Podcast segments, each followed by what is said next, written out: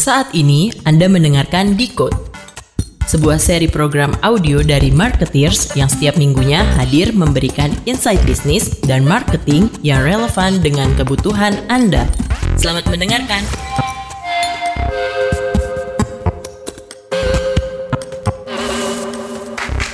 Good marketing, great insight anytime. Hai marketeers, masih bersama saya Ardan di podcast Decode by Marketeers.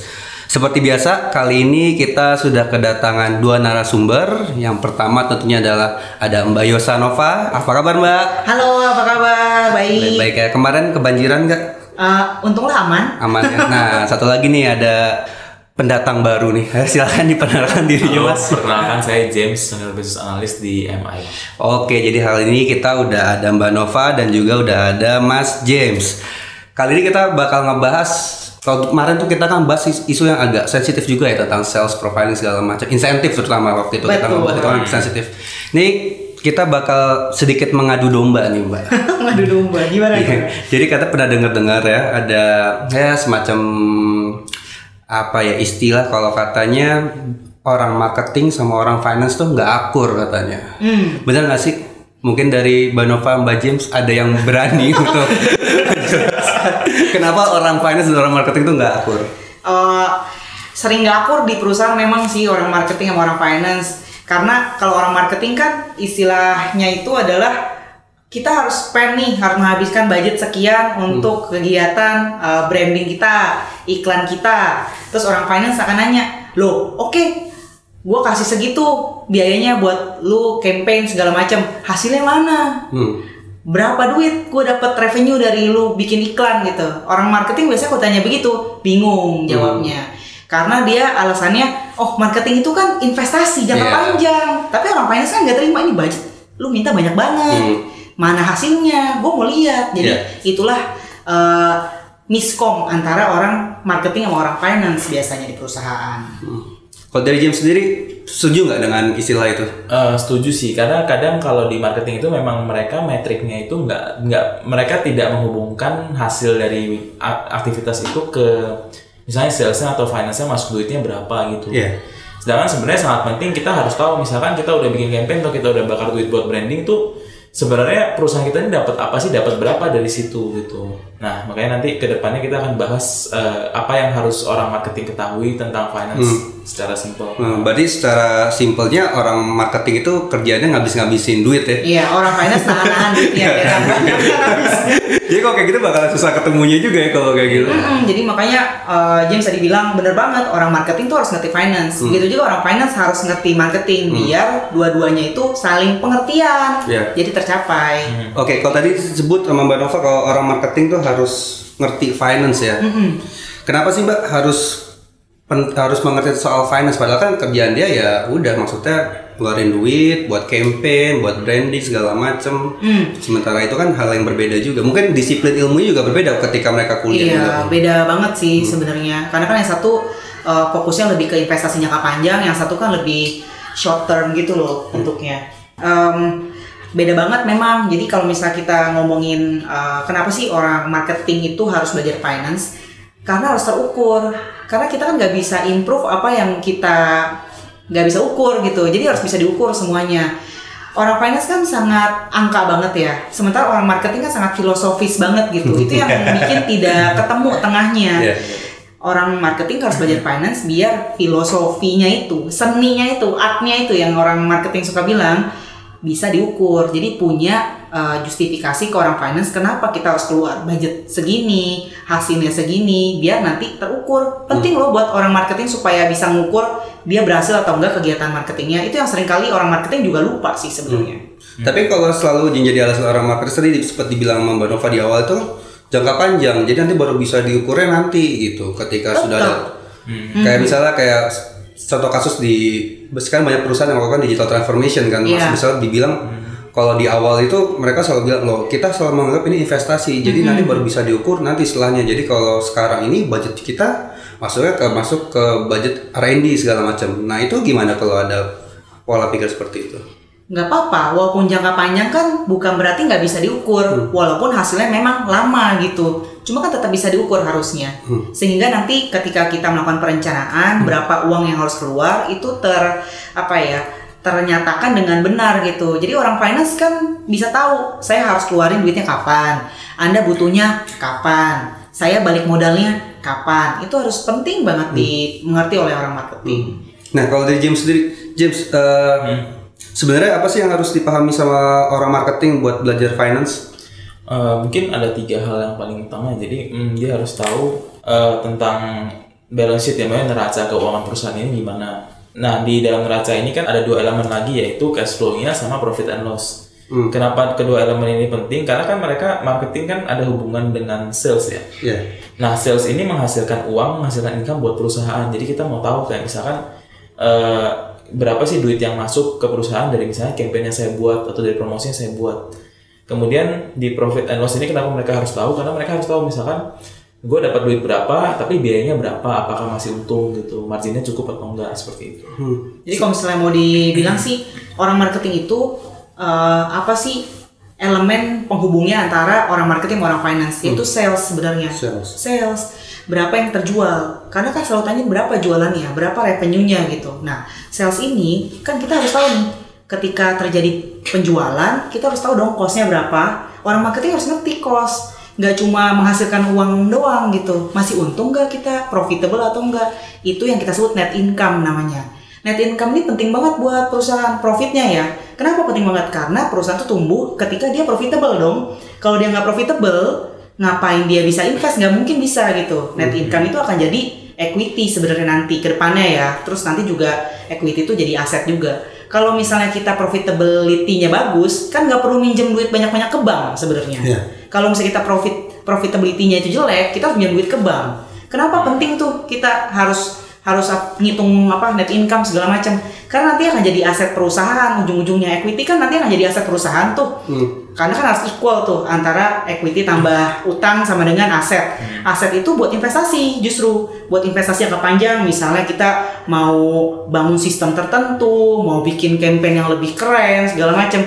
Aset itu dibikin sedemikian rupa supaya masukan sales lebih tinggi lagi. Jadi terus begitu muter. Jadi perannya orang marketing itu harus ngerti bahwa sales yang dihasilkan oleh campaignnya dia itu ngaruh ke profitability, ngaruh ke net income. Yang mana net income nanti akan jadi return earning kalau misalnya kita ngomong di apa uh, pasar saham ya, supaya bisa nanti jadi equity, nanti balik lagi jadi aset, aset bikin sales tambah oke lagi. Jadi bayangkan kalau misalnya orang marketing nggak mengukur net income-nya, lu minta budget berapa susah juga buat orang finance ngeluarinnya nggak ada justifikasi. Iya. itu yang bikin repot sebenarnya.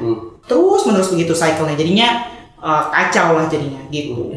Nah kalau tadi kalau sebut sama James yang standarnya harus dipelajari adalah seperti neraca keuangan gitu ya. Emang itu neraca keuangan yang paling paling basic banget. Apa mungkin ada eh, detail-detail tertentu yang tentang finance yang harus dipahami juga sama orang-orang marketing? Ya itu sebenarnya udah basic banget ya. Jadi kayak cukup ngelihat beberapa angka, misalkan kayak jumlah eh, cashnya dari sisi asetnya, cashnya ada perusahaannya ada berapa, supaya dia bisa ngerti hmm, eh, keluar masuk duitnya itu gimana. Kemudian ya yang tadi dibilang sama Mbak Nova juga ya. Jadi eh, kita mesti tahu profit and loss sama equity-nya karena misalkan dia bilang program marketing itu berjalan lama, tapi ya akhirnya yang akan kita ukur ya itu. Kalau untuk rasio-rasio lainnya hmm, ada sih beberapa, cuman ya mungkin itu yang utama. jadi ada tiga jadi James bilang tadi ada tiga kan sebenarnya ada neraca keuangan atau balance sheet kita sering ngomongnya itu kita bisa tahu sebenarnya posisi keuangan kita tuh sehat atau enggak dari balance sheet Iya. Jadi apakah kita itu sehat karena disuntik darah kita sendiri apa suntik darah orang lain gitu? Iya. Itu juga kita bisa tahu. Jadi neraca keuangan tuh bisa tahu sebenarnya kita punya posisi itu seperti apa sekarang perusahaan sehat atau tidak sehat. Karena kita bisa lihat asetnya, kita bisa lihat eh, apa utangnya bagaimana, duit kita ada berapa, cashnya itu ada di eh, apa balance sheet gitu. Sementara kalau eh, yang kedua yang penting juga itu profit and loss sebenarnya kita untung atau rugi gitu. Itu adalah statement kedua tuh yang harus dimengerti oleh orang marketing. Ngitung nggak sih kita sampai net profit kita tuh berapa? Tahu nggak sih dia cost yang kita keluarkan expensesnya berapa terus ngerti. Terus sama yang ketiga adalah cash flow. Cash flow itu istilahnya kayak darahnya perusahaan gitu.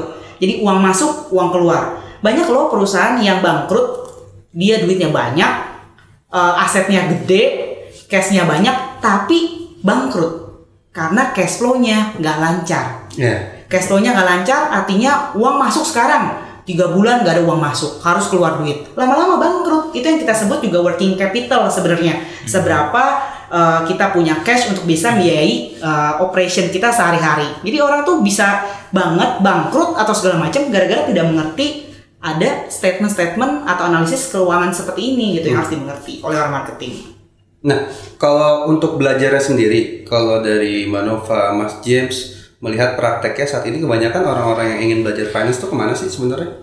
Hmm, banyak hal sih Apakah emang sebenarnya. harus ngambil kuliah lagi? Nggak apa gimana? Nggak mesti sih, nggak mesti ngambil kuliah lagi sih. Banyak uh, kursus-kursus singkat yang membuat uh, orang marketing itu punya pemahaman yang baru tentang finance gitu. Kita juga punya sih di Mark Plus sebenarnya. Iya kan? Jadi kita ngerti banget uh, bahwa di Makros ini ngerti bahwa si marketing itu suka ribut sama orang finance. Makanya kita punya kursus namanya Integrating uh, Marketing and Finance. Kapan ya James itu ya? Gue agak lupa Eh, sih. itu 16 sampai 20 Maret ini. 16 sampai 20 Maret. Sampai 16 sampai 20 Maret ya. Iya, lima hari sih. lima Cukup hari. lah lima hari buat belajar Iya. finance sebenarnya. Dan dijamin langsung paham ya tentang Paham, finance. Kalau nggak paham, ada yang salah dengan diri anda. nah, kalau untuk masalah analisis keuangan sendiri kan banyak eh, eh, indikator-indikatornya segala macam. Kalau dari Mbak Nova dan juga Mas James menyarankan seperti apa sih orang-orang untuk mempelajari analisis keuangan? Hmm, cari yang paling penting dulu buat kita sebenarnya. Kita itu bergeraknya perusahaannya atas apa gitu. Jadi apakah kita sangat uh, revenue oriented atau profit oriented itu harus diukur dulu gitu. Atau kita aset oriented. Tapi gini ketika asetnya bertambah kemungkinan besar kita punya uh, apa namanya revenue bertambah itu ada gitu. Nah jadi kita penting banget mengukur beberapa. Misalnya kayak return on asetnya kalau return on aset kita bilang kayak seberapa sih profit dihasilkan dengan kita menambahin aset penting loh buat orang finance tahu itu. Jadi ketika kita mau investasi sesuatu kita tahu nih karena returnnya akan segini return on equity misalnya kita nambah nih eh, apa equity gitu. Jadi tahu juga kalau kita nambah equity berapa sebenarnya? Nambah utang berapa revenue yang didapat? Jadi baik lagi eh, tentukan dulu sebenarnya objektif perusahaan itu tipenya itu yang seperti apa. Baru kita bisa tahu apa sih eh, indikator atau kayak analisis yang paling penting. Tapi minimal harus tahu tiga apa laporan keuangan itu dulu deh. Tadi ya neraca keuangan, cash flow, sama profit and loss itu ya tadi ya. Benar benar benar Oke, eh, terakhir nih dari buat Mbak Nova dan juga Mas James, ada nggak sih saran buat orang-orang marketing yang pengen belajar finance? Karena kan kayak orang finance duit, wah neraca segala macam, debit, kredit segala macam, pasti kan ribet. Apalagi mereka udah ditargetin dengan KPI mereka masing-masing juga kan di kantor. Ada nggak kayak saran orang kalau mau belajar finance harus kayak gimana sih? Sabar kah atau gimana? Apakah cukup dengan sabar dan ikhlas? sabar dan ikhlas ya. Eh, orang marketing sama orang finance tuh pada dasarnya adalah elemen yang penting yang ada di perusahaan. Jadi harus kompak sebenarnya. Supaya kompak, maka orang marketing harus ngerti dulu finance tuh berpikirnya seperti apa. Dan juga orang finance harus mengerti juga orang marketing itu perspektifnya seperti apa. Eh, dengan adanya komunikasi yang tepat dari dua pihak ini lebih gampang tercapai sebenarnya objektif perusahaan. Nggak usah pusingin terlalu banyak oh, apa statement harus belajar seperti apa. Cari aja, cari tahu apa yang penting sebenarnya elemen yang paling penting orang marketing tuh tahu perspektifnya finance. Begitu juga orang finance harus tahu apa indikator utama orang marketing. Misalnya tadi kalau orang marketing harus tahu nih sales ini sangat ngaruh banget nih sampai ke seluruh laporan keuangan ini akan akan terjadi siklus gitu. Begitu juga orang finance harus tahu marketing itu ada yang kita sebut awareness segala macam. Jadi ngitungnya gimana itu harus harus paham juga. Jadi harus saling berkomunikasi sebenarnya antara orang marketing dan orang finance. Mungkin James mau tambahin? Eh, ya sama mungkin nggak usah terlalu pusing dengan misalkan bentuk laporan keuangan yang begitu kadang panjang banget atau Iya. panjang banget mungkin langsung kayak tadi Mbak Nova bilang kita bisa cari variabel tertentu yang kita mau dan juga kan memang kalau financial ratio itu banyak banget ya, tapi mungkin cuma beberapa aja yang kita perlu tahu misalkan yang kita butuh misalkan return eh, on asset atau misalnya kalau kita kadang misalnya salesnya tagihnya lama banget nah kita mesti tahu misalnya berapa hari penagihannya itu secara umum gitu. Jadi yang simple-simple aja sih jangan dipelajarin semua yang kita nggak butuh gitu Oke baik, terima kasih Mbak Nova dan juga Mas Jim buat bincang-bincang kita hari ini. Uh, buat marketers, uh, stay tune terus di podcast Decode by Marketers pada tema-tema selanjutnya. Jika ada pertanyaan, silakan kirimkan pertanyaannya ke Instagramnya Marketers di @marketers atau bisa juga di Instagramnya Marcus Institute di @marcus_institute. Uh, jangan lupa nanti tanggal 16 sampai 20 Maret uh, Marketing bakal ada training khusus mengenai integrating marketing with finance. Jadi itu dulu, sampai jumpa di podcast kita berikutnya. Bye. Terima kasih sudah mendengarkan seri podcast ini. Untuk insight mendalam lainnya, silakan dengarkan konten podcast kami yang lain, atau Anda bisa berkunjung ke kanal YouTube kami di Marketeers TV, situs kami marketeers.com, dan membaca majalah bulanan kami. Selamat menikmati dan sampai jumpa.